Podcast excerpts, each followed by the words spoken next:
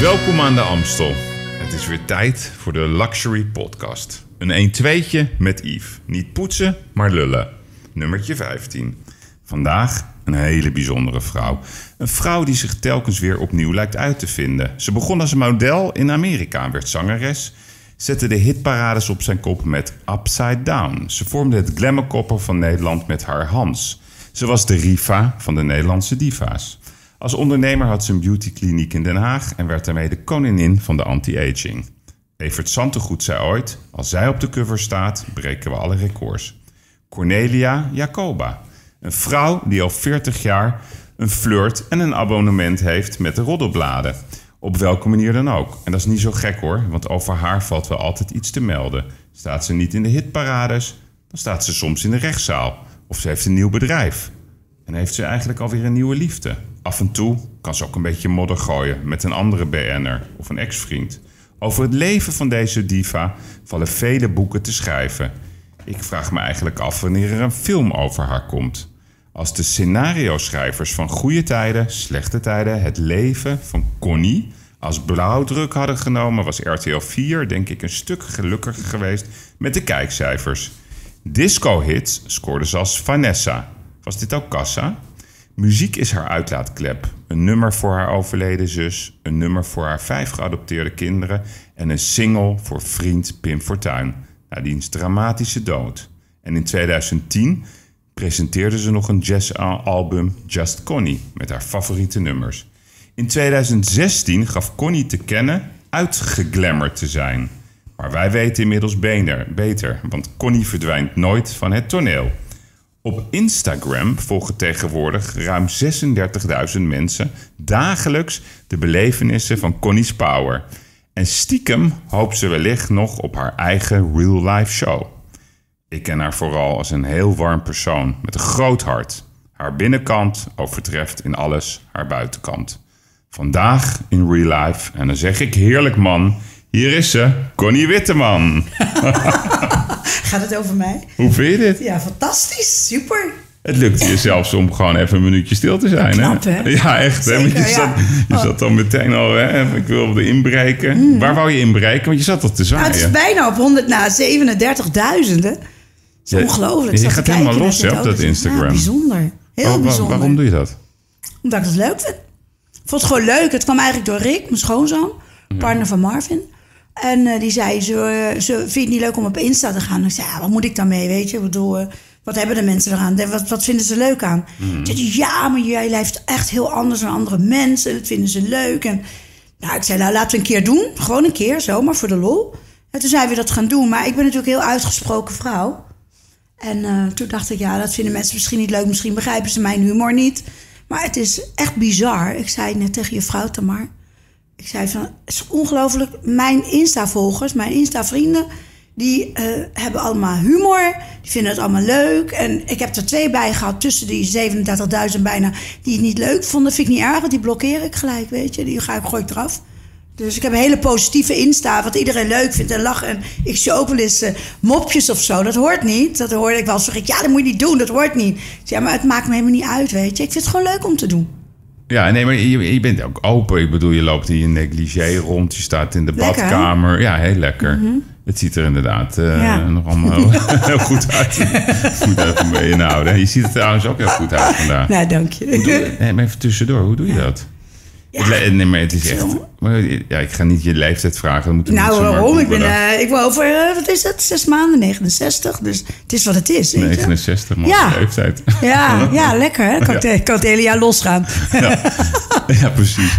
Nee, maar hoe doe je... Even serieus, hoe doe je dat? Dat is- Ja, dat is nee, weet je. Ik heb natuurlijk een anti-aging kliniek gehad. Ik, ik, ik, ik eh, neem ook veel in voor anti-aging. En ik rook niet en ik drink niet. Ik leid best wel een gezond leven. Ik ben geen stapper. Ik vind uit eten gaan heel leuk. Ik vind koken heel leuk.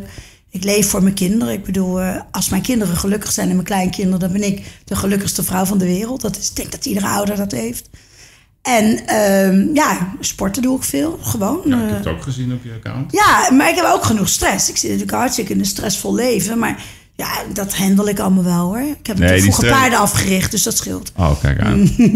menselijke paarden of echte paarden? Nee, menselijk. Eh, eh, eh, nee, nee, nee, nee, nee, nee, nee, Echte paarden. Echte paarden. hey, doe je dat trouwens zelf, die buikspieroefening, Die ja. ik ook. Ja. Jezus, hoe vaak doe je dat?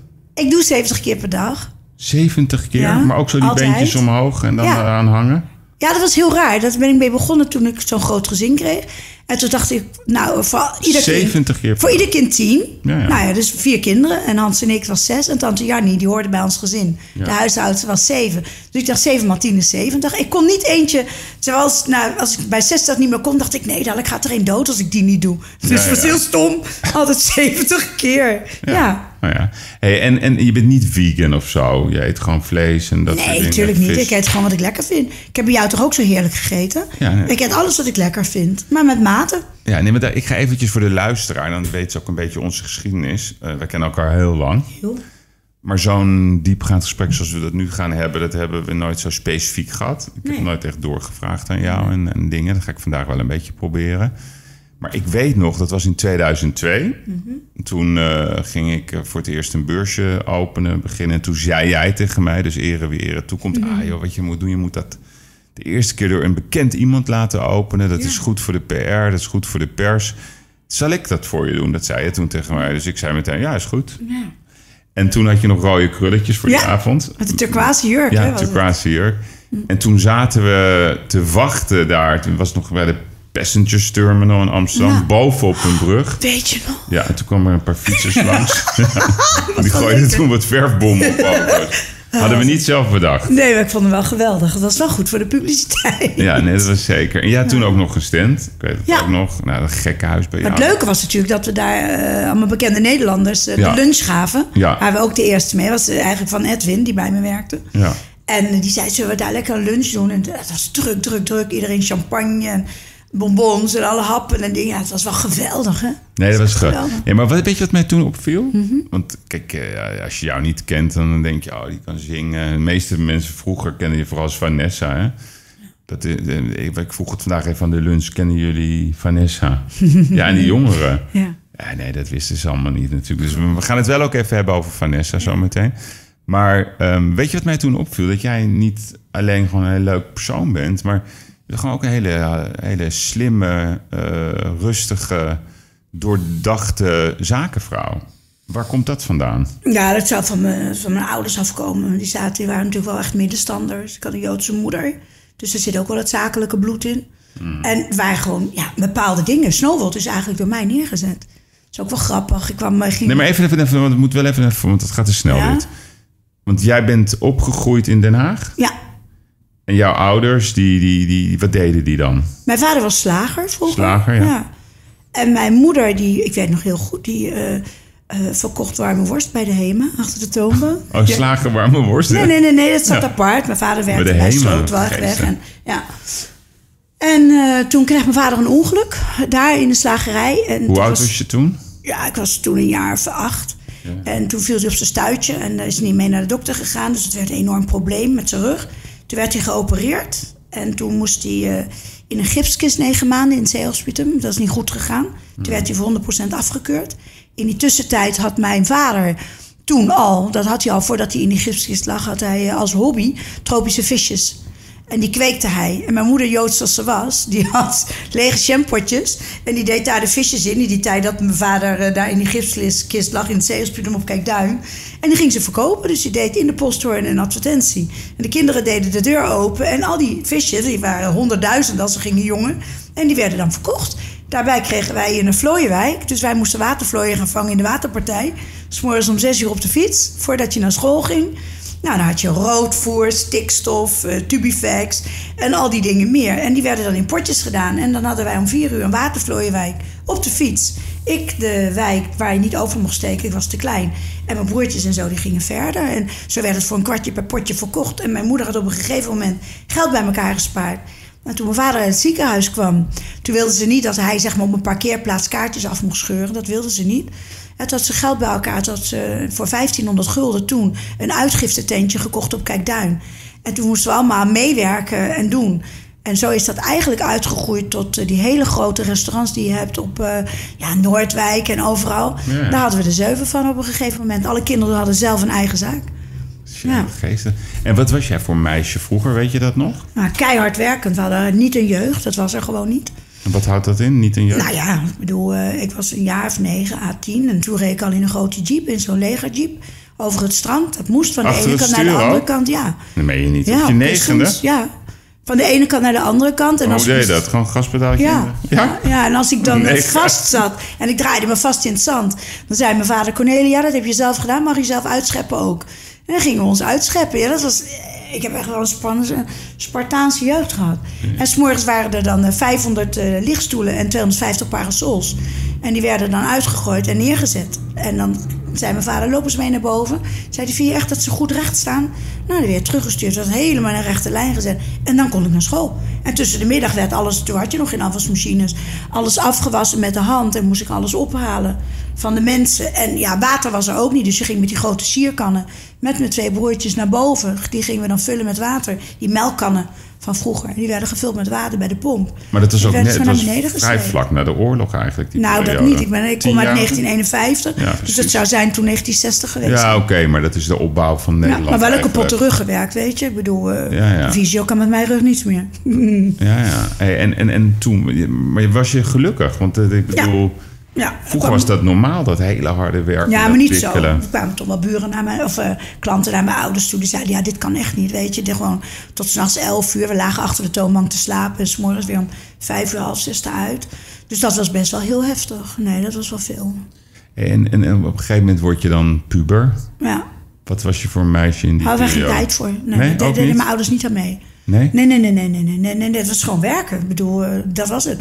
Ik was 15 jaar, toen werd ik van school gehaald. Toen moesten mijn ouders voor de recht, eh, rechtbank komen of ik wel eraf mocht, ja of nee. En dan ging ik zomers, werkte ik dan bij mijn ouders op het strand, ook de zaken opbouwen en zo. Dat was gewoon, mijn vader had vier jongens in plaats van twee meisjes en twee, twee jongens. Dat was er gewoon. En, en, dus- en hoe was jij met je, met je broertjes en je zusjes? Heel goed. Met z'n allemaal? Ja, allemaal ja, dat weet ik niet. Zijn ze nog allemaal in leven? Nee, ik heb nog één broer die leeft. Daar heb ik geen contact mee, al 18 jaar niet. En ik heb, eh, mijn ene broer is overleden, was hij 51. Mijn vader 50. Jezus. Mijn moeder 58 en mijn zusje 37. Ja, ja, ja. Ik heb haar kinderen toen in huis genomen en opgevoed. En heb je voor je zusje ooit ook een, een lied geschreven? Ja. Maar ik heb niet zelf geschreven, Miro Benon heeft dat gedaan. Ja, ja. En toen zat ik hem dat te vertellen wat er aan de hand was. Ik was in Amerika en een screentest gedaan voor Charlie's Angels. Wanneer was dat? Oh my god, ja, toen was ik 80er ja, jaren? ja, ja, ja, tachtiger jaren. En daar was ik doorheen met die screentest, dus dat was geweldig. En ik zou die rol doen van eh Ja, Farrah Farrah ja, ja, Omdat ik deed natuurlijk eh, heel veel... eh, ik kon toen uit de parachute springen en ik kon motorrijden... en op één eh, ski, skiën en zo. Dus ik mocht dan haar stunts doen. Maar dat ging niet door, want ik belde naar huis. En eh, ja, toen hoorde ik dat mijn zusje borstkanker had. En toen ben ik gelijk teruggegaan eigenlijk binnen 24 uur. Dat heb ik laten schieten, maar dat vond ik niet erg. Want wanneer, wanneer kwam je er bij jezelf achter van... hey, ik kan best wel leuk zingen? Wanneer was dat dan? Nou, dat kwam omdat eh, Leslie Laverman, dat was toen de manager van eh, Sandra en Andres. Die kwam een lege koffer terugbrengen. Ik had dat meegegeven van mijn dochtertje van Constanza, die zijn kleine ski, skikleding had. En dat had ik meegegeven voor andere mensen. Toen kwam hij dat terugbrengen en toen had tante Jannie, onze huishoudster, mijn huishoudster toen, de deur open gedaan. Ze zei, ja, dat is een meneer, die komt de lege koffer terugbrengen. En we stonden kippensoep te maken, dat was op, vrij, op vrijdag. Toen nam hij een soepje en toen was wel grappig. Ik kwam naar beneden, zei hij zo, kan je nog zingen ook? Maar ik dacht, weet ik veel, wie is die man, weet je? Nou, en toen zei hij, heb je niet een eh, paar foto's? Is hij met een paar foto's naar Dureco gegaan, naar Dolph van Nijnatten. En toen zei hij, het maakt me helemaal niet uit of ze wel of niet kan zingen. Ik wil er gewoon hebben, ik geef er een contract. En toen zijn we de studio heen gegaan na een week. En zei hij, ja, het is ongelooflijk, weet je. Je kan wel zelf zingen. Maar mijn moeder had een stem, dat was gewoon Maria Callas, hè? Ja? Ja, mijn moeder had een geweldige stem. Want ja. wij, kijk, ja, wij, ik bedoel, zeg maar mijn generatie kent jou vooral van Upside Down. Ja. Kan je dat nog steeds even doen? Hoe ging dat? Jawel. Hoe ging het doen? Ah, I'm not what you think I am, but here I go again. oh my god, upside down. Ja. maar dat was, maar je was ook gewoon een bom. Seksbom. Ja, ja. Daarom geloofden de mensen dat niet. Vonden ze een combinatie van eh heese stem en sexy. En, eh, Ja, maar je zag er ook uit als een, als een, natuurlijk als een superster. Zag je dat zelf ook? Nee. Hoe, hoe kijk je naar jezelf in zo'n tijd? Nou, zelfs als dat ik nu kijk, weet je. Ik bedoel, Ja, eh, maar hoe... ik ben zo geboren en ik, mijn oude, ik weet nog heel goed. Er was een keer een televisier, eh, uitzending. En toen had Sylvia Christel, die had iets met een misverkiezing gewonnen. En toen lag mijn vader op de bank. En eh, toen rookte hij nog check, vergeet het nooit. En toen stond die check te rollen. Toen zei hij tegen mijn moeder: Saar, als, die weet hoe onze dochter, als ze weten hoe onze dochters eruit zien, nou, eh, dan hadden zij het gewonnen. En dan kwam ik binnen. Nou, reken maar niet dat ik me ook maar iets mocht voorstellen, want dat was er bij ons niet. Je hoefde echt niet te denken dat je wat was of er leuk uitzag. Want het was gewoon werken. Het was er wat er was, weet je. Dus ik heb eigenlijk, wat dat er gaat, eh, niet zo'n hoge dunk van mezelf gehad. Ik heb ook wel een onzekere kant dat ik het moeilijk vind. Ik had heel graag altijd een jazzconcert willen geven met de jazz-cd die ik had. En, Maar dan durfde ik het toch net niet, weet je wel. Dan was Ja, toch ja. net die zekerheid er niet. Ja, je, je komt heel zeker over, maar je hebt toch ook... ja, ja? maar ik denk wel dat iedereen een onzekere Tuurlijk, dat is de buitenkant. Maar Anders is het niet leuk, dan word je narcist. Nee, dat klopt. Dat, mooi, mooi gezegd. Maar wat was dan jouw onzekerheid? Of is Ehm, jouw onzekerheid? Nou, dat kwam dat ik stond een keer in de studio. En toen, toen had eh ehm, eh, Han Koren heeft, die had een nummer geschreven. Let me be your mother if there is no other. Dus dat vond ik geweldig. En eh, toen zaten, ik zou de namen niet noemen. Er zaten mijn twee producers zaten achter het, achter het glas. En ik stond in de studio zelf. En toen kwam Han Koren en zei, die is het al ingezongen, het nummer. En toen hoorde ik hun zeggen van, nou, nee, dat laten we even kijken hoe we dat gaan doen met toeters en bellen. Want ze heeft zo'n heese stem. Dus eh, ja, dat gaat natuurlijk niet met haar stem. Ze kan niet echt goed zingen. Maar het leuke ervan was dat daarna ehm, kwam de producer een keer bij me. En toen zei ik, ja, ik wil je uitnodigen. Ik wil heel graag... Mijn wens is om een jazz-cd te maken, een jaar of acht geleden. En die wil ik graag eh, dat jij hem produceert. En toen zei hij van, eh, oké. En toen heb ik hem verteld wat ik had gehoord. Toen moest ik echt bijna huilen. Vond het echt Wat zo je, erg. wat, wat je had gehoord? Nou, dat hij dat had, dat iemand, dat zei, een van de twee, Martin Duizen of die andere, dat had gezegd. En toen zei ik, nou, ik voelde me zo gekwetst. Ik dat een durfde hele bekende? mijn mond niet open te doen. Nou, dat voegt eigenlijk niet zoveel waarde Nee, toe. Maar. Weet je, en ik durfde mijn mond eigenlijk amper nog open te doen. Ik dacht, ik, oké. Ja, ja. En toen eh, had ik het over de jazz CD. Heb ik die nummers gegeven. Zei, nou, hij zegt, ik, Wat, wa- hoe oud was je toen? Met wat? Met die eerste keer? 30 of zo? Toen was je rond de 30. Ja, maar toen, nu zeg maar acht jaar geleden, toen zei ik, nou, ik ga mijn eigen beheer doen. Ja. Ik bekostig het zelf. Ik wil het echt met een echt jazzorkest en alles live.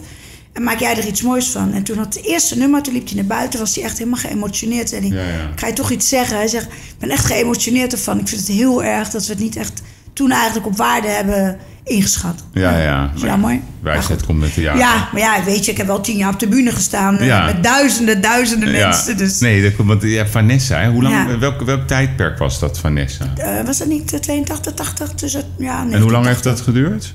Nou, ik denk wel een jaar of eh, zes toch? Want daarna kwam ik Hans tegen. Ja, want hoe ging dat? Hoe, wa- waar heb je Hans ontmoet? Hans heb ik ontmoet in Zuid-Frankrijk door eh, Frits Heersland. Ja, En Frits Heersland die had toen E1A Records in, in Engeland. Ja. Dat had hij zo genoemd, omdat hij dan boven altijd in het telefoonboek stond toen. ja. Dat vond ik wel heel Ja, grappig. En wij klikten heel goed. En toen ging ik bij hem eh, wat nummers eh, inzingen. En dat ging geweldig. En ik voelde me daar ook heel lekker, want ze waardeerden het ook echt. En toen nam hij me mee naar de Miedem. Toen ging hij me daar eigenlijk eh, promoten. En toen had hij, zijn beste vriend, was toen de manager van Madonna. En toen zei hij, nou, ik ga je kennis laten maken. Heeft hij ook gedaan. En er vlogen ook vliegtuigjes van de Miedem verwelkomst Vanessa. En had overal van die penthouses neergestrooid, weet je, honderden. Met grote limo's en zo. Het was geweldig hoe hij dat neer had gezet, die Frits Eersland. Jammer genoeg leeft hij nog niet meer. En eh, toen, eh, dat sportieve van hem vond ik... Hij wilde hem echt een hele grote ster maken. Echt in Amerika. Hij geloofde erin, hij liet het ook horen. En iedereen dacht, oh, wat een leuke combinatie. Blond, heeste stem. En nou, oké. En eh, toen gingen ze eten in Moulin de Mougin met z'n allen. En toen zei hij, ik wil je even voorstellen. Daar staat de Nederlandse kant. Dit is Hans Breukhoven. Ja, wist ik veel. Ik bedoel, ja, ik kwam nooit in een eh, winkel om een cd te kopen. Of een single, of een plaat. Ik was er gewoon nooit mee bezig. Nou, en eh, Hans die stond daar en die zat me aan te kijken. En ja, het was gewoon een vonk, weet je. En Ja, was die meteen? ja, direct. Bij jou, bij hem. Nee, gelijk bij hem. Ook wel bij beide, denk ik. Maar bij jou ook. Ja, ja, was wel met beide. Dat was wel een grote liefde. Ja. We waren ook wel een winning team, 22 jaar, weet je. We konden elkaar ook heel goed aanvullen. Zakelijk ik en bedoel, muzikaal. je- ik bedoel, wie het mooiste vond ik van Free Record Shop, dat was die helikopter op het dak. Ja, Langs de mm, snelweg. Ja, Ja. ik vraag me af of überhaupt ooit iemand met die helikopter gevlogen is. Ja, ja, ja, je kon er wel mee vliegen ook. Nee, maar het was gewoon briljant. En nou, ja, alle acties die hij bedacht. Maar maak nu een hele snelle sprong, hè, want de liefde kwam toen. En jullie waren ook samen zakelijk natuurlijk geweldig. Want in welke Ja. fase van zijn leven zat hij toen met Free Record Shop? Hij had toen, dacht ik, eh 13 of 12 of 13 free record shops. Ja, en ik weet nog goed dat hij bij mij eh, in de Roostuin stond in Voorburg. En eh, toen zouden we samen wonen. En toen zei hij eigenlijk... eh, ik wist helemaal nog al die tijd niet wat hij deed. Hij had al die tijd gezegd dat hij boekhouder was. Ja. Dat had hij ook daar gezegd. Ik ben boekhouder. En Frits Eerstand had nooit iets gezegd daarover. Dus op een gegeven moment zei hij tegen mij... na een paar keer uitgegaan te zijn... ja, ik wil eigenlijk wel vertellen wie ik ben. En Jannie die stond... Ik weet nog heel goed, hè. Die speelde een grote rol in mijn leven. En die stond bij de keuken. En die stond geloof ik groenten te snijden of zo. En toen zei ik van... Ja, hij zegt, ik moet je wat vertellen. Ik denk, oh, nu gaat dat komen. Hij is getrouwd, hij heeft kinderen. Nou, dat was natuurlijk niet mijn ding. En toen zei hij van... eh, ja, ja, ja, ik wil het je vertellen. Ik zei, nou, ben je getrouwd? Nee. Heb je kinderen? Nee. Ik zei, nou ja, wat is er dan voor belangrijk? Ik zei, ja, ja, ik weet niet hoe ik het je moet zeggen. Ik zei, nou, doe niet zo moeilijk. Zeg het maar. Zei hij, nou, zegt hij, hij zegt, ik heb free record shop. Waarop ik heel, echt, echt zo heel naïef zei, ja, dus? Wat is dat dan? Ja. En toen zei hij van, eh, ja, dat is platenwinkel. En toen zei Jannie, van waar heb je die dan? Toen zei hij in Voorburg in Leidse Hagen. En toen zei Jannie, hè, maar mijn moeder die woont, weet ik veel waar. Daar is er ook een. Oh, de Boogaard, daar is er ook een. En toen zei ze, ja, maar ik heb een vriendin en die woont eh, in Friesland, maar daar is er ook een. Nou, en eindelijk kwam er eigenlijk uit dat hij dan dat aantal winkels had. Ja, en toen hebben we dat eigenlijk samen wel zo uitgebreid. Ja, was wel leuk. Hele leuke dingen verzonnen samen. Wat was het mooiste? Kan je dat nog herinneren? Wat het mooiste was? Ja, wat jullie je? bedacht hebben. Wat het meest dat je zegt nu. Nou, het mooiste Nou, wat we bedacht hadden was natuurlijk samen dat we groot gezin wilden. Dat je wat? We wilden samen een groot gezin. Ja, nee, oké. dus nee, dat, dat, vond ik eigenlijk, dat vond ik eigenlijk wel het mooiste. Vond ik heel leuk dat hij daar ook voor open stond. Ja. En eh, eh, Maar hoezo trouwens? eh, Want jullie hebben altijd geadopteerd. Dat was, Ja. ik, heel, ik heb het je nog nooit gevraagd. Nee. Maar waar- waarom was dat? Ja, nou, bij Hans was het niet al te makkelijk en bij mij ook niet door omstandigheden. Dus dat was, was echt... dus, ja, Ja, nee, maar daarbij vind ik wel, moet ik zeggen, dat ehm, ik had zelf ook nooit kinderen erbij genomen uit mijn buik. Weet je, ik heb echt van kinderen komen uit mijn hart, niet uit mijn buik. En ehm, ik vind dat eh, moeilijk als ik zelf kinderen op de wereld had gezet. Dat, dan had ik nooit geadopteerd. Dat is gewoon heel uitgesproken. Omdat ik, ja, ik vind het moeilijk als die kinderen een jaar of 11, 12 zijn. Dat er één zegt van als ze een lichte kleur hebben of een donkere kleur, whatever. Van ja, jij bent toch niet het echte kind van papa en mama als ik niet thuis zou zijn. Ja. Ik zou dat nooit willen. Ik zou nooit willen dat er mensen zouden zeggen: God, wat lijkt jij veel op je vader of wat lijkt jij veel op je moeder. En de andere hangt er dan een beetje bij. Dus ik ben daar gewoon te overgevoelig voor. Dat had ik nooit gedaan. Het is of allemaal adopteren of gewoon kinderen zelf op de wereld zetten. Maar kon, je- kon je het fysiek ook niet? Of kon dat wel? Nee, dat- ik, ik had problemen en, en eh, Hans had ook problemen, ja. Ja, ja, oké. Nou ja, kan. Maar was dat, was dat iets pijnlijks? Of, eh, Het is altijd pijnlijk, denk ik, als je, Ja. eh, als je een kinderwens hebt. En ik heb alles ondergaan om wel zwanger te worden. Ja, ja. En daar ben ik ook wel een paar keer geweest. Maar nee, dat... Het lukte gewoon niet. Nee, maar met Hans en zo. Het was gewoon, hij wilde graag adopteren, ik wilde graag adopteren. En ik vind het ook altijd het stomste wat mensen kunnen zeggen: van nou, de kinderen mogen wel dankbaar zijn dat ze bij jullie zijn terechtgekomen. Nee, wij wilden kinderen. Ja. Ik bedoel, als je zelf een kind op de wereld zet, hoeven die ook niet dankbaar te zijn voor het leven. Dus het is wat het is. Het zijn onze kinderen. Ja, ja, precies. Ik weet nog goed dat Marvin kwam van school. Het was hij vier. En toen zei hij, mama, mama. Ik zat, stond in de kleedkamer van Hans in Wassenaar. Kwam hij helemaal naar boven met zijn krullen. Zei, oh mama, mama. Mijn juffie die is zwanger. Die krijgt een baby in de buik. En ze gaat alles vertellen iedere dag erover. Heb ik ook in jouw buik gewoond? Toen zei ik, nee mallard. Kijk naar mama's buik, weet je. Mama's buik is zo klein. Je komt uit mama's hart. Dat is groter. Dat weet ik nog heel goed, ja. Grappig. Jeetje. Hey, en, want de Hans, hè, ja, ik bedoel, ik heb Hans best wel redelijk gekend. En, Ja, eh, goed gekend. Ja, en hij, ja, hij is helaas eh, overleden. Had je ook hoog staan altijd. Aan, aan, eh, Entrepreneur was je echt. ja, ja. Ja. Nee, maar hij ook. Hij is natuurlijk wereldentrepreneur. Ja. En toen is het op een gegeven moment... Hè, jullie waren toch wel ja, een beetje zo'n droomkoppel. Ja. En in elk droomkoppel zijn er natuurlijk ook problemen. En, Hadden we niet. En gedoe. Maar wat is er gebeurd dat hij ooit... Opeens ging naar Londen. Ja. Gingen uit elkaar. Ik heb het nooit... een- Wat is er gebeurd? Wat, Nou, wat was de reden? Het jammere was eigenlijk dat. ehm, ehm, ik was ervan overtuigd. Hè? Hans wist natuurlijk dat ik een hele extreem monogame vrouw ben. En Ja. Dat is nou eenmaal zo. De ene is zo, de andere is zo. En ik ben niet zo erg van de uitdrukking van als je hem was, is hij vernieuwd. Dat is niet mijn ding. Nee, dat is niet mijn ding. Dus ik ben wel heel trouw. Ik flirt ook niet. Het is gewoon, nou, je kent me al zo lang, Yves. En mensen zijn ook heel graag, die willen koppelen. zit altijd te flirten. Ja, maar Tamar vindt het niet erg. nee, oké. Nee, maar ehm, ja, op een gegeven moment kwam ik eigenlijk door de chauffeur erachter. Dat eh, de chauffeur was eh, een, een, een, een zoon van mijn beste vriendin. En die was verhuisd naar België. En ik had hem binnengehaald omdat ik hem vertrouwde. Hij was een hele goede chauffeur. En dat was Hans in veilige handen.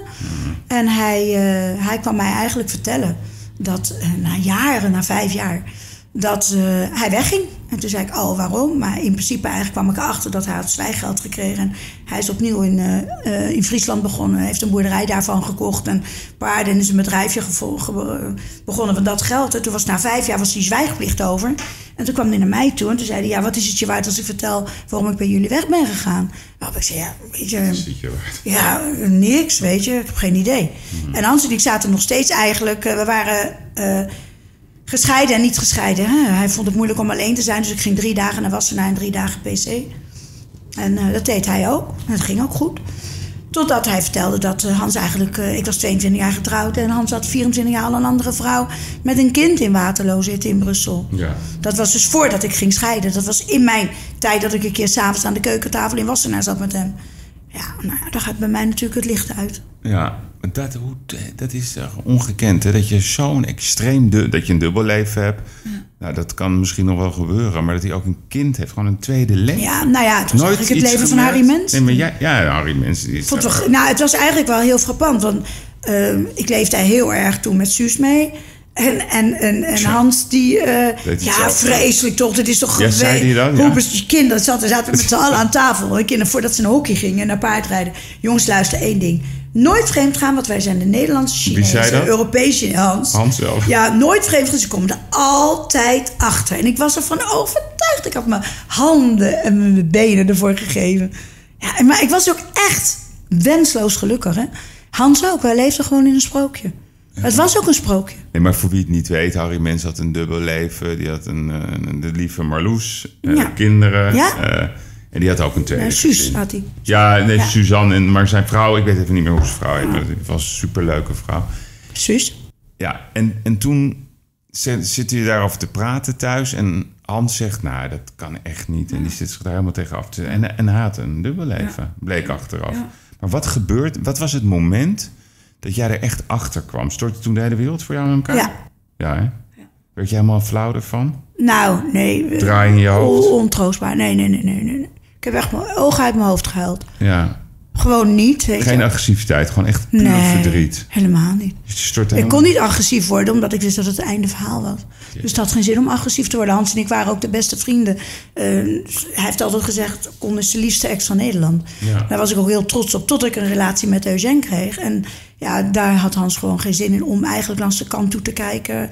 Kijk, ooit zei hij tegen, tegen Marvin van, nou, dit is de man eh, die je moeder los gaat maken. Daar ga ik niet bij staan kijken langs de zijlijn. Dat ga ik niet doen. Dus daardoor wilde hij geen contact meer. Ja, ja.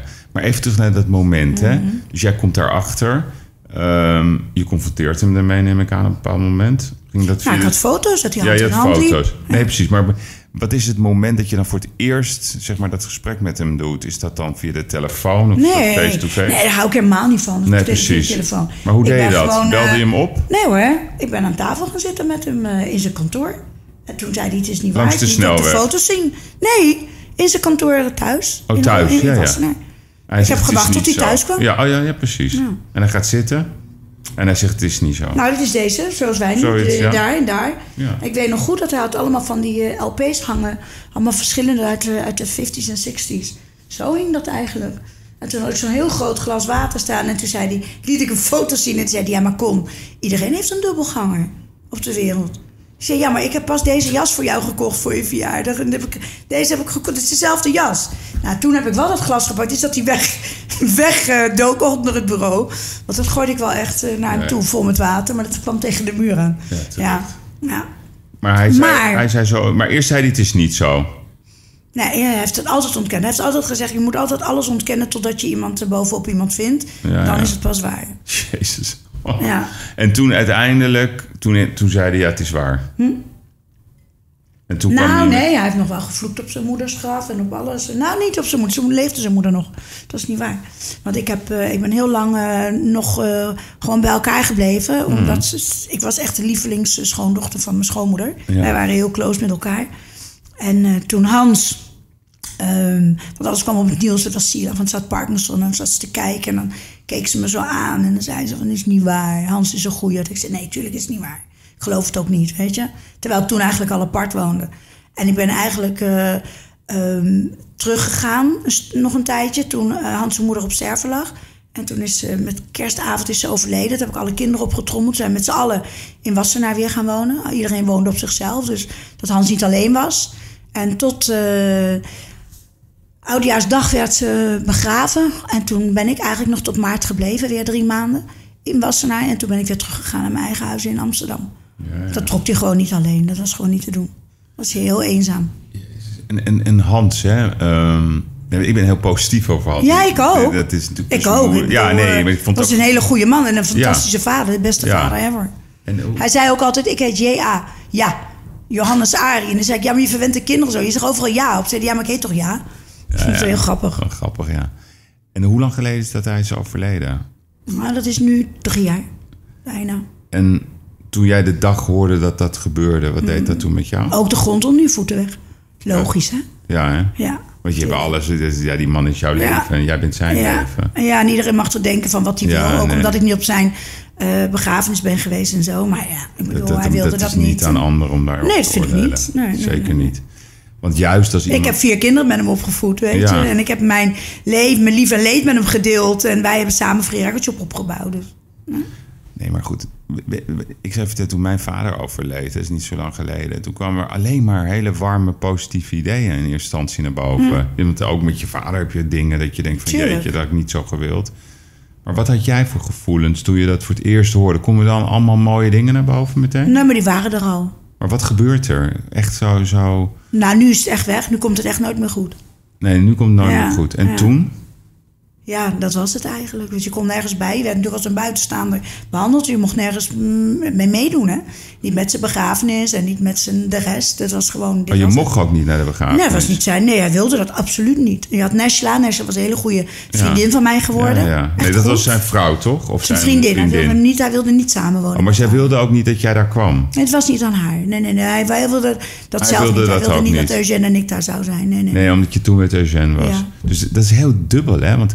Eigenlijk is hij, heeft hij de boel bedrogen, om het zo maar te zeggen. Ja. Eh, jij kiest op een gegeven moment voor een andere man. Na twaalf jaar. Ja, en dat, 12 kan hij niet, en dat trekt hij niet. Nee, omdat hij eh, sliep nog heel vaak eh, bij mij thuis, maar dan boven. We hadden ieder apart slaapkamer. Maar Nesla, zijn vriendin, kwam ook vaak mee. Of vrienden van Nesla erbij.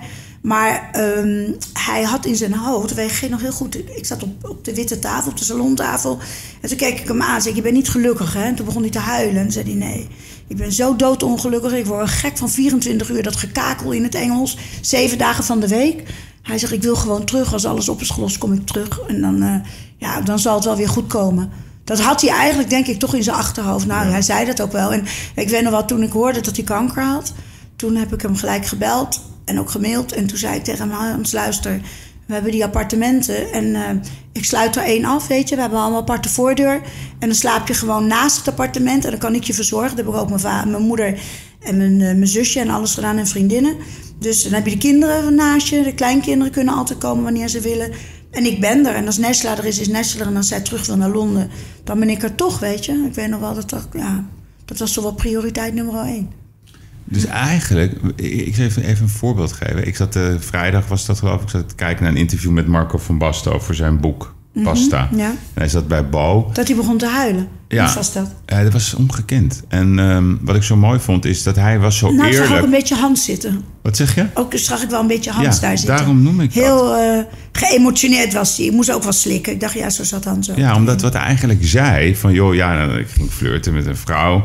Ja. En pas later realiseerde ik me hoe gelukkig ik Ja. eigenlijk ben. Wat is dat toch? Dat Nou, maar dit is wel iets heel anders, hè? Want ik bedoel, ehm, hij was vier maanden wat met die vriendin. Ja. Hij was in de Roxy, volgens mij, heeft de Lex in Lex. Ja, maar, Nou, whatever. maar daar gaat het niet om. Maar, het gaat om de boodschap. Wat Ja, maar dit is wel iets heel anders. Ik bedoel, als je vier maanden eh, een Tuurlijk. relatie met iemand heeft... of iemand is, je hebt 24 jaar Ja, een ander dat is leven... ietsje anders, en ja. erge is dat. anders. Nou ja, ik denk als een man naar de prostituee gaat, dan is het heel anders dan dat hij jouw problemen met de kinderen uitlicht. Ja. De namen van mijn kinderen Ja. en van mij worden in een bed genoemd van een, bij een andere vrouw. Dat is wel een heel ander iets, weet je? Maar wat zei, even gewoon even, wat zei Hans dan als, als hij bij haar was? Zat hij dan in een ander land of zo? Ja, maar lieverd, hoe moet ik dat Toen hadden we controleren? geen internet en zo. Nee, maar we En hadden dan- 550 free record shop in Noorwegen, in België, in Duitsland. dus dat reisde Eh, Waar altijd. niet? Ik bedoel, als hij in België... Hoeveel winkels waren er in België? 300 of zo? 200? Dan kan ik toch niet zo'n man achterna gaan. Als ik hem niet zou vertrouwen, dan ben ik toch gevangene van mijn eigen gedachten. Dan zou ik de hele dag bodyguard moeten spelen. Ja, nee, dat bedoel ik. Dat kan niet. Je moet gewoon vertrouwen hebben in elkaar. En als Hans vreemd was gegaan in Noorwegen, Nee, daar gebeurde het ook wel. Dat wist ik. Ook nog, ik ja. wist wel dat het daar gebeurde. En ik wist ook wel in andere landen. Maar dan heb je zoiets dat ik denk, ja, daar ga ik mijn huwelijk niet voor afbreken. En dan ga ik ook mijn kinderen niet eh, voor opzij zetten. Ik, ik zou ook alle vrouwen wel raad willen geven. Als ze zeggen van nou, mijn man is vreemd geweest. Ik ge- geef hem een schop onder zijn kont. Dan zou ik altijd zeggen, dat zou ik niet doen. Ik zou toch al sowieso wachten. Ik heb ook gewacht tot Marvin 18 was. Voordat ik de deur uitging. Ik ben niet eerder weggegaan. Ik vind, mijn kinderen wilde ik wel stabiliteit geven. Je kan niet zomaar een huwelijk opbreken. En de kinderen dan, die zitten er middenin. Dat vind ik moeilijk. Nee, oké, maar ze had die wetenschap eigenlijk al met anderen dan. Liep je dan altijd eh, rond met een gedachte van, nou ja, ik pak je nog wel een keer terug? Nee, nooit. Ik heb hem niet? nooit teruggepakt daarover. Nee, nee, nee, maar het was meer dat je het niet begreep. Nee, begreep je zelf- het wel? Wat zelfs toen we gingen, nee, helemaal niet. Nee. Nee, maar daar kwam je eigenlijk daarna achter. Hè? Ik wist dat niet in de tijd dat ik met Hans was. Ik wist dat pas toen die ene shit naar boven kwam. Toen zag je ineens in de pers dat Hans was betrapt iemand in, met iemand in Noorwegen en daar en daar. Toen kwam het een beetje los. Maar ik heb dat daarvoor nooit geweten, nooit. Maar wat ik, waarom ik dat voorbeeld noemde van Van Basten, is dat, wat ik zo mooi vind aan hem, dat hij zei, ja, dat ik zoveel, dat ik eigenlijk pas nu me realiseer hoe gelukkig ik eigenlijk ben. Hè? Dus dat is vaak als je iets kwijtraakt, dan pas realiseer je hoe erg het is dat je het kwijt bent. En als je het hebt, denk je dat het normaal is. Ik vraag me altijd af, Hans had alles. Hij had een mooi bedrijf, hij had de aandacht die hij hebben wilde, hij had geweldige kinderen, hij had een supervrouw. Ja, wat is dat allemaal? Waar- Bedrijfsblindheid noem ik dat dan maar. Ja, maar het is niet alleen bedrijfsblindheid. Nou ja, dat ik. Het kwam, ik weet wel dat het kwam bij, ehm, bij Bo, toen hij daar zat. Dat hij zei van ja, het, ik, ik moest eigenlijk eerst moest ik lachen, omdat ik dacht het is een mopje. Ja, ja. Hij zei van ja, er lag een briefje op de keukentafel. Ja. En, toen, en toen dacht ik eigenlijk bij mezelf. Ja. Toen had ze natuurlijk een pan met water opgezet met een grote kei erin. En had ze gezegd als sigaar is, kom ik terug. Ik dacht echt dat hij dat zou gaan zeggen. Dat is een grapje, maar dat, dat is, was niet zo. Het was echt iets heel emotioneels. Ja. En daar is hij voor gevallen. Dat hij dacht, wow, ik heb toch wel een wereldwijf... die nog steeds achter me staat en van me houdt. Dat was natuurlijk geweldig. Nee, maar goed, de Hans had aan jou ook een wereldwijf. Dus ja, Ja, maar ik heb geen briefje neergelegd. Ik heb gewoon gezegd, ik wil niet verder. nee, Ik wilde zelf niet verder. begrijpelijk ook. En heel veel mensen denken van, ja, waarom ga je... Weet je, je stapt uit die gouden kooi. En ik had zoiets van, ja, ik stap uit die gouden kooi. Maar ik doe het deurtje dicht en Hans zit in de kooi. Ik ga eruit. Ik hoef niet in een gouden kooi. Ik heb hele gezonde handen en een gezond stel hersens. Ik kan heel goed werken. En hoe was dat dan? En toen ging je, eh, ben je meteen gaan wonen in de PC Hoofdstraat? In Beethovenstraat. Oh, eerst in de Ja, Beethovenstraat. ik had daar een etage van Leco overgenomen. Die had Ja. ook gehuurd. Ik had de huur overgenomen. Ja. Het was helemaal klaar. Toen ben ik gaan kijken of ik eraan kon wennen. Drie hoog met al die trappen naar boven. Van een landgoed. Maar ik, ik, ik had gewoon geestelijke vrijheid. Ik hoefde me niet meer... Niet een man te delen. Ik denk dat het erger is als je samen in bed ligt... en je weet dat er iets is, dan ben je eenzamer... dan dat je echt alleen woont. Ja, dat klopt. Dat denk ik ook. Ja. Hey, en dan, jij bent altijd onder de spiegel geweest, altijd onder het vizier. Loop je dan met, met zware schoenen naar buiten? Dat er, Nooit. Dat er cameramensen... Nee, nee, Nee, echt niet? nee. Doet je dat niks als, Nee. als, als, als, als ze je achtervolgen? Je echt gewoon... kakka. Ik kak aan heb elkaar. Ja, echt? Ja. Maar is dat dan je jeugd? Dat je denkt van ja, daar ben je sterk geworden? en Nou nee, ik durf mezelf Dat je eerlijk in de spiegel aan te kijken. Ik bedoel, Nee, maar dat is toch irritant als mensen je zo benaderen. Je hebt toen best wel een periode gehad dat je heel erg in die bladen stond. Hè? Heel, alleen maar. Ja, en altijd slecht. Daarom ja, is het zo ja. leuk dat de mensen me Ja, op, eh op Connie's ja. Power beter leren kennen, weet je, Nee, op maar, Insta. dat, nee, maar dat, dat, wat, Ik wat vind ik niet zo... leuk dat ik hem er even ingooi, zo, Connie's Power. Nee, dat vind ik wel leuk. Instagram, ja. Nee, pas op, hè. Want ik vind, nou, Connie, ik, ik zou je eerlijk zeggen hoe ik erover denk. Ja. Ik dacht eerst, die is niet goed bij de hoofd. Wat wil jij niet doen? nee, echt, toen je de Oh, we hebben eerste... zo lol, jongen. Nee, maar toen eerst daar had je een fotootje gedaan dat je ergens op in je bed lag en zo. Ik denk, wat ben je aan het doen, Connie? dat dacht Oh, nee, ik. ik lag niet in bed, joh. Nee, of zo met zo'n negligé of zo. Wel, nee, doe niet zo stom. Ah, nee, een bloot been. omdat bloot ik lag te appen. Zie je, je bent nog steeds ondersteboven van Ja, Tamar. maar, ik, ja, Tamar. Nee, zoek maar een hulplijn. Nee, maar toen dacht ik echt, wat ben je aan het doen? En toen dacht ik, ik ga het eens eventjes gewoon zonder voordelen bekijken. En ik moet je eerlijk zeggen, ik heb het ook hier op kantoor en iedereen laten zien. Die zeggen, nou, helemaal te gek. Lekker positief, eh, scheuren met Connie. Nou, je gooit de ene naar de andere one-line. Nee, ik vind het echt heel leuk. Ik vind het ook heel, heel cool dat je het doet. Weet je, je hebt gewoon lak eraan. Maar ik geloof niet, dat meen ik serieus... dat jij eh, in een periode dat mensen je zo onheus bejegenen... dat je vaak toch op een bepaalde manier covers sierde... Hè, dat zie je toch, ja, ik weet niet, neerzet als een, als een bepaald persoon wat je niet bent, dat dat je niks doet. Dat geloof ik Ja, niet. maar heel veel dingen worden ook er enorm verdraaid. Hè? Voorbeeld. Maar dat moet toch pijn doen? Kom Ja, maar zoals eh, twee weken geleden staat? Patricia Pai erin op de Ja. cover. Eh, Patricia Pai zegt dat Connie voelt zich eenzaam en daarom doet ze Insta. Nou, ik had het netjes op de Insta gezet, weet je, wat ze had gezegd. Ik krijg vanmorgen krijg ik een bericht, eh, dat zit in mijn tas, eh, van eh, Patricia. Die zegt, ja, ik hoor dat ik op de cover heb gestaan van de party. Nou, alles is gelogen en bedrogen. En ik heb de mensen nog ineens gesproken. Ik wil je mijn excuus aanbieden. Sorry, sorry, sorry voor het ongemak. Dus Hmm. ik bedoel, weet je, mensen heeft nog ineens iemand gesproken. Nee, maar dat weet je. Ik hoef jou niet uit Ja, te leggen nou ja. hoe dat gaat. Eh, De helft wordt Wisten ze maar hoe het echt zat? Ik denk dat ik echt een goed blad zou kunnen maken. Nou, Met eerlijke dingen. Niemand houdt je tegen. Nee, maar ja, weet je, Ik, ik, denk- nee, maar ik denk dat dat nog, daar gaan we het zo even over hebben. Ik denk dat dat wel gaat komen, dat dat dat volgende stap wordt. Want jij weet hoe die wereld werkt. Nee, maar ik bedoel meer, wat doet dat met je? Ik heb zelf ook eens een keertje de bagger over heen gehad. Ja, dan doe ik in eerste instantie denk ik van ja, het zal me allemaal worst wezen. Maar toch doet het op de een of andere manier wel pijn. Nou, het doet mij alleen maar pijn omdat eh, ik moeder ben van vier kinderen. en Ja, vier ja, schoonkinderen en eh, zes Ja, kleinkinderen. maar dat en dat het, vind ik erg. Ja, maar dat is ik vind ja. het erg dat het bij mijn kinderen terechtkomt. Ja. Dat vind ik Ja, erg. want je wilt het. allemaal dat je kind gelukkig is. En Ja. als zij iets zeggen over hun moeder, die altijd Ja. lief en gezellig en leuk is en voor de gezelligheid zorgt, ja, dan vind Ja. ik dat vreselijk. Ja. Dus daar vind ik het erg voor. Ja, nee, maar dat doet hij Want zij zelf hebben niet ook. gekozen Nee, voor zo'n klopt. leven, snap je? Nee, nee, oké, maar die snap ik. Die snap ik zeker. Hey, en met al die BN'ers, hè, wat was dat nou met Gordon ooit? Eh, dat je daar, wat was, had je ruzie mee of niet? Nee hoor, ik heb helemaal geen ruzie met Maar wat Gordon. was Gordon dat dan, dat verhaal? streek geleverd. Oh, die heeft je streek Ja. gegeven. Wat heeft hij gedaan dan? Nou, het was dat eh, ze hadden gevraagd, Gordon en Gerard samen, of wij Tomorrow wilden zingen voor de oude vandaag. Nou, dus ik zei, oh ja, het overvalt me, maar ja, met een live orkest vind ik wel prima, vind het goed. Nou, op een gegeven moment kom ik uit Knokken rijden en ik word gebeld door Mark van der Linden. En die zegt, Kon, ik was net bij Patty, je kan allemaal vragen, die mensen leven allemaal. Ik was net bij Patty voor een presentatie van eh, SBS bij haar thuis. Ze was aan het huilen, want ze haalt die hoge noten niet morgen. En ze is helemaal doorheen. En ze gaat het niet trekken. En ze wil het niet. Of een ander nummer kunnen doen. Ik ja, eh, ik wil best bellen naar Gerard of naar Gordon. Dus ik bel Gordon. Nou, die was niet bereikbaar. Echt onbereikbaar. Twintig keer gebeld onderweg. Ik had toch niks anders te doen. Nou, niet bereikbaar. Ik zei, nou, bel Gerard. Dus ik bel Gerard. Ik zei, dat en dat is er aan de hand. Hij zei, kom, is helemaal geen probleem. Hij zegt, doen we toch gewoon een paar andere nummers? Wij zeggen, weet je wat, waar zit je nu? Ik zei, nou, bij de Brienoord. Hij zegt, oké, dan kom ik naar je toe rijden. Dus hij komt naar me toe vanuit Aalsmeer. Nou, ik was toen net met Eugène, dat wist toen nog niemand. Eh, Gerard zag hem toen voor het eerst. En we komen aan en hij zegt tegen me, nou weet je wat we doen? Hij zegt, we doen die nummers. Ik zeg, nou, laten we dan naar Patty gaan. Of dat goed is. Dus we rijden naar Patty toe. Staan daar, of zij bij die toon kon komen, of ik erbij kon komen. Allemaal prima. Goed. Patricia zegt, mij allemaal goed. Ik ga erin mee, het maakt mij niet uit. Tomorrow was haar liedje, was voor haar makkelijk te pakken. Maar ja, als zij het niet kan, dan kan ze het niet, weet je. En ik zeg helemaal niet dat ik het wel kon. Want als de een hees is, ben ik het wel, weet je. Ik bedoel, Ja. als je als een mus wordt geboren, kan je niet als een nachtegaal zingen. Dat, het, is- het is wat het is. Dit is een echte Connie Power. Nou ja, ik zit er ook niet zo mee. En die noteren. Ja, ik zit er niet zo mee. Nou, en eh, toen eh, zei Gerard, we gaan het zo doen. Ik zei, ja, maar wil jij dan Gordon verwittigen? Ja, is goed. Nou, toen kreeg ik eh, om een uur of elf s morgens... kreeg ik Gordon aan de telefoon. Die had geen telefoon nodig. Die gilde en die schreeuwde zo vreselijk hard en ordinair en noem maar op. Dat ik dacht bij mezelf, oké. En toen stond Eugène naast me en die nam dat op. En eh, toen belde Mark van der Linden op. En toen... Nee, ik werd gebeld door mijn, eh, door mijn fiscaliste. En die zei, wat is er aan de hand?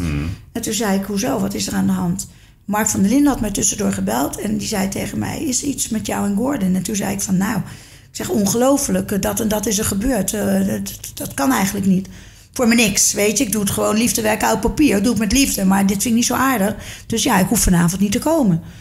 En toen zei ehm, eh, Mark, nou, mag ik het gebruiken? Toen zei ik ja, maar echt naïef. Ja. ja, En toen zei, dacht ik, Mark, zet het in de weekend. Gewoon, weet je, daar was die hoofdredacteur van. Maar toen was het eh, live ergens op te horen. En toen werd ik gebeld door mijn fiscaliste. En die zei van, Connie, eh, wat is er aan de hand? Ik hoor me daar toch een ordinair getetter en een geschreeuw van Gordon's kant. En toen zei ik van, hè? En toen belde ik Mark. En toen zei hij van, ja, ik heb het gewoon daar en daar op gegooid. En toen is hij s'avonds, dan zat ik mijn loetje te eten. En mijn telefoon die trilde bijna van de tafel. Ik denk, wat is er aan de hand? Ze zei, ja, wat is er? Toen had hij mijn telefoonnummer gegeven. Gingen alle mensen mij bellen. En toen zeiden van, ja, een hele nare opmerking gemaakt. Die een oude vrouw op de bank. Die zit zich te vervelen. Dit is haar telefoonnummer. Het is Connie Breukhoven. En eh, bel die op. Nou, en toen heb ik, eh, ben ik naar huis toe gegaan. En had net nieuw briefpapier. En toen heb ik eh, zijn nummer en alles op, op, op hoe heet dat? Op eh, eh, de computer en alles gezet. Op het internet. ja, zijn telefoonnummer en eh, Ja, alles. ja. Dus moest hij zijn briefpapier weg. Oh ja, ik bedoel, wie de balkaast ga- krijgt hem terug. Misschien klinkt het Maar een dat is klinkt als een schoolpleinruzie, toch? Nou, ik vind het geen schop, want de ruzie kwam niet van mijn kant. Nee, Zij ja, zette mij gewoon voor paal. Maar praten jullie niet meer met elkaar? Ik niet meer, nee. Nee, nee, nooit Het is meer. gewoon niet mijn bloedgroep. Nee? Het is niet mijn bloedgroep. Ah, oké. Gun hem al zijn goed en ik vind het prima, maar... Nee, nee, oké. Maar ben je, ben je zo dat als iemand je iets flikt, dat dat dan ook voor... voor Nou, dat dacht ik niet. Ik geloof dat ik er wel bekend om sta dat ik over de grootste schaduw heen stap. Ja. Toch? Ja, maar dit is wel ik iets wel. anders. Hij is niet mijn kind of familie. Nee, nee, nee. Van mij. Hier, wacht, dat doen we een watertje. Nee hoor, Wil je nog een koekje? Een biggetje? Ja, echt hè? Jij dat vind ik ook zo Ah. ongekend hè? Want je staat net al aan de koekjes. Mhm. Hoeveel van die biggetjes gooi je er doorheen? Eén heb ik er nu. Maar op een hele dag? Nou, wanneer het me uitkomt, lekker. Poffertjes vind ik lekker wel. Die lekker patat. Dat eet je ook gewoon allemaal. Ja, tuurlijk. Ja, hè? Ik loop iedere dag 10 kilometer, eh, Yves. Ja, hè? wacht dan even een watertje. Ik doe ook even een watertje. Dus ja, nee, ik, eh, hij zit niet in mijn leven en ik zit niet in zijn leven. Dus ja, het is, wat het is. En als je kijkt naar je huidige leven, je hebt je kinderen waar je, waar, je, waar je ontzettend leuke dingen mee doet. Ehm, nou, je hebt ehm Connie Spouwer, hè? Daar gaan we het zo nog even, daar gaan we echt eh, de afsluiter van maken. Je noemde net de naam Eugène. Nou, we hadden het er net even over. Ik ga niet met jou eh, in al die rechtszaken duiken. Dat, eh, Nee, dat zou ik ook niet doen. Dat kan ook niet. Maar wat, wat, wat wil je daar nog iets over zeggen? Nee, eigenlijk niet. Gewoon even, gewoon, dat was het. Nou, weet je, ik vind het alleen heel raar dat eh, de buitenwereld, de pers, het opblaast alsof het een huwelijk van mij is geweest van 22 jaar, waar ik vier kinderen in groot heb gebracht. Ik bedoel, het is een, eh, een hele goede innige vriendschap geweest, een liefde in mijn leven, waar ik het vier jaar ontzettend naar mee naar mijn zin had. En acht maanden ja, ben ik eh, ben eigenlijk voor de poorten van de hel weggesprongen. Zo kun je het ook wel zeggen, dus dat zegt genoeg. En op een gegeven moment was het klaar. Als iemand uitlatingen doet over mijn kinderen. Ik bedoel, je moet niet aan andermans bloed zitten, aan je kinderen. Dat moet je nooit doen. Dat vind ik fout. Want jullie waren samen vier, vijf jaar? Vijf jaar, vier jaar en negen maanden of zo, ja. Ja, ja, ja. Maar ja, hij was binnen twee maanden weer getrouwd, dus dat was allemaal snel, toch? ja. Maar je hebt best wel heftige dingen, toch? Kom aan. Ja, het is wat het is, weet je. Ik bedoel, je kan er wel in hangen, maar daar heb ik allemaal niks aan. Nee. Ik ben niet zo iemand die achterom kijkt. Ik bedoel, als je met je gezicht naar het verleden staat... dan sta je met je gezicht naar de toekomst. Dat vind ik ook. Maar als jij, als jij ik bedoel, je hebt over aandacht niet klagen bij mannen. Geef je op een gegeven moment wel een beetje de hoop op? eh, bij, bij, bij- Ik geef de hoop niet op, maar ik, ik hoef mijn leven niet meer met een man te doen. Nee. Maar het is niet zo van eh, dat ik mannen haat. Ik vind mannen energie heel fijn. Dat is Ja, gewoon zo. Ik ben meer in mijn praten en in mijn zaken doen en alles ben ik meer eh, aan de mannenkant dan aan de vrouwenkant. Ik vind het gauw gezeur. Hoewel tegenwoordig veel powervrouwen zijn. Echt veel powervrouwen. Die zich heel goed opzetten. En staande houden. Maar ik, eh, ik denk wel meer als een man. Zijn hand altijd. Ik ben heel eh, zo rigoureus. En ik ben niet, eh, weet je, ik ben geen grijs. Ik ben zwart of wit. Een duidelijk, wel duidelijke taal. Want als jij, als jij gewoon... Je hebt nogal wat ervaring. ehm, hoe, wat, wat, wat, is, wat zijn de ambities voor jou? Voor, ja, het lijkt net alsof ik met iemand zit van 45, want zo zie je eruit. Hm, dank je. Ja, ze kunnen niet meekijken. Dan heb ik echt zoiets van, wat zijn jouw plannen voor de komende 20 Dat jaar? vind ik ook altijd grappig, omdat Ja. ik hoorde het Eugène wel zeggen. Dan zeg je, Ja. ja. maar voor de toekomst zeg ik, ja, maar Eugène, ik ben mijn toekomst aan het opeten, weet je. Ik bedoel, ik ben over zes maanden 69 en het is wat het is. Ik bedoel, ik zit er ook helemaal niet mee. Maar ik weet wel dat toen ik mijn kliniek had, ja, dat, vond, dat is echt mijn hobby. Dat vond ik geweldig. Totdat ik heb natuurlijk Newville en dat heb ik... eh, toen had ik het eerst voor Europa gekocht. Ja. En eh, daarna, eh, toen ik FDA-proof had voor Amerika erbij. En op een gegeven moment kwam, eh, kan ik nu wel zeggen, hij is er toch niet meer. Burt Reynolds kwam bij mij onder behandeling. Oh, die Burt Reynolds, ja. Ja, door Angela Groothuizen. Ja. En die nam Iets nog, dichter nam met nog je paar, mond, bij jouw mond. En die kwam, hoe heet dat? Die kwam in behandeling en zo. En op een gegeven moment lekte dat uit bij een arts of zo daar. En die zei, oh, wat heb je? Wat ziet er mooi uit? En toen kwam ik bij Johnson Johnson terecht. En eh, ja, die kwamen eigenlijk over. En die zeiden, ja, wij willen het hele wel van je overnemen. Voor, in, voor Amerika, voor eh, de hele wereld. En toen heb ik het worldwide verkocht. Aan Johnson Johnson. Dus dat was Kassa, toch? Ik vroeg net of eh, Vanessa Kassa was. Dit moet toch ook Kassa zijn geweest? Nou ja, het was zakelijk gezien wel goed, ja. Ja, toch.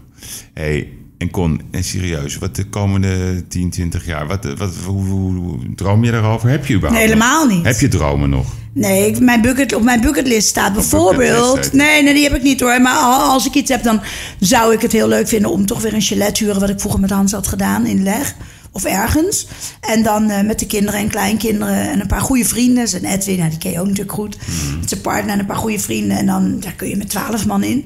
En dan met z'n allen lekker te gaan skiën... met de kleinkinderen ook erbij. Dat is eigenlijk mijn ding. Maar het zijn meestal eigenlijk wel... nou, het zijn geen simpele dingen, maar... Nee, dat zijn voor mij de dingen. Maar ik heb nou niet dat ik zeg van ik wil een wereldreis gaan maken of eh, ik wil. eh, ik, nee, ik, ik, ik, heb, ik heb het eigenlijk allemaal wel ingevuld. Ja, ja. En op zakelijk vlak? Zijn er nog dingen dat je denkt... Oh ja, genoeg. Maar ja. zoals? Ja, Want je doet wat vastgoed, hè? Dat, eh, daar ben je Ja. altijd wel open over geweest. En je hebt die auto's, die, Ja. die, die, die bureaus rondrijden. geen bureaus. Het is Connie's Created Car Concept. Oké, oké, sorry, sorry. Totally different. Sorry, sorry. I'm so sorry. maar die, die doen het ook. Ehm, maar zijn er nog dingen... Je hebt nu dat eh Connie's Power. Hè, wat, eh, ik denk dat je heel snel 100.000 volgers hebt. En daarna gaat het helemaal los.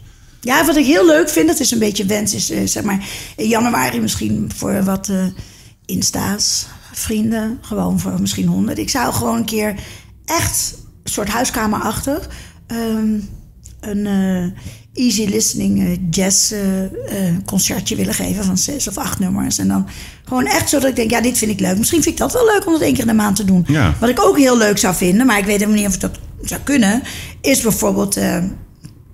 één keer of twee keer in de maand een lezing geven. Dat mensen niet een lezing, maar omgekeerd. Dat de mensen alles mogen vragen aan mij van zakelijk gebied, Zoals ik het nu doe. kinderen. Weet ik niet, doe jij dat? Ik ben ook vraagjes aan het stellen aan jou. Ja, nu. Ja, Ja. maar het is iets anders. Een podcast. Het is anders. Ja, dat maar moet je wel, je ergens moet wel heen gaan. Net leren, hè, want dat was een Ja, podcast. ja, ja, zeg het dus ook de eerste keer. Maar ik zou het bijvoorbeeld leuk vinden. Mensen vragen zoveel aan me. Hmm. Ik kan nog ineens antwoord geven erop. Want als ik antwoord erop geef, dan is het weer dat ik reclame maak. Dus dat doe ik ook niet ja. op mijn Insta. Maar ehm, zoiets, ja, dat vind ik leuk. Maar mijn kliniek met 36 artsen en 10 schoonheidsspecialisten en 10 diëtisten... Ja, vond ik geweldig om neer te zetten. En ja, misschien, er is me nu gevraagd of ik een, een huis helemaal in wil gaan richten. Vind ik ook leuk om te doen, weet je. dat is me nee, ook vaak maar- ja, nee, precies. Ik vind het. Maar ik weet het nog niet. En een real life soap, wat ik Nee, helemaal suggereer. Nee, Nee. dat ga je niet doen. Wat je eigenlijk Nee. in Connie's Power doet. Nou, ik zou mijn kinderen er niet mee willen belasten. Nee, nee, nu, oh, weet je, het Maar die ga je echt niet doen? Het is al gevraagd. Ja. En ik mag nu uitkiezen. En, nou, weet je, ik ben in gesprekken met RTL en met de Blue Circle en met SBS. Met SBS ben ik al een heel ver gevorderd om dingen uit te gaan vogelen, om te kijken en zo. Ik kan met Gijs heel erg goed overweg. En, Gijs van Dam. ja, nee, ja, die is gewoon geweldig, geweldig. een- En we hebben echt dezelfde bloedgroep. Hij begrijpt het ook goed. Tommy, die werkt daar. En het is gewoon, het geeft mij een heel goed gevoel. Een menselijk gevoel. En als ik met hem praat, dan... Hij weet precies bij mij de snaar te pakken. Even Ja. met me lunchen, even thuiskomen. Even... Het geeft een gevoel als ik hem al 100 jaar ken, weet je. En Hmm. daar ga ik meer voor dan voor iets anders. Ja, ja. En Misschien een eigen YouTube-kanaal of zo, maar... Gewoon, ja, ik, ik zou het ook heel leuk vinden, zoals Mona vroeger. Weet je, dat mensen vragen aan me kunnen Ja, ja. stellen. En ik ben natuurlijk best wel ervaringsdeskundige. Dat vind ik wel leuk Beetje. dat je nou, vind ik wel stom, maar... En jij bent ook een beetje de Mona van deze tijd. Ja, daar ben ik het wel mee eens. Lisa, Mona Lisa, Mona Lisa. Nee, niet Mona Lisa. dat is wat anders. Nee, nee, maar ehm, nou, de- ik ben wel heel erg geïnteresseerd in mensen. Ik ben wel een mensenmens, Ja. weet je. Leuk, Dus- wel een leuk idee. Dat zie ik wel zitten. Misschien Ja. is dat wel heel leuk. Dat was Gijs' idee. En misschien is het leuk om eerst een eigen YouTube-kanaal te hebben. Ja. Mensen gewoon echt ook dingen kunnen vragen. Maar niet dat er een psycholoog bij zit. Gewoon En menselijk gewoon, gewoon. weet en je. dan alles. Ja. Hoe je met situaties omgaat. Ja. Van kinderen tot oud. Ja, alles. Maar scheidingen, zakelijke dingen, weet ik veel wat. Ja, daar heb je ook verstand van, hè?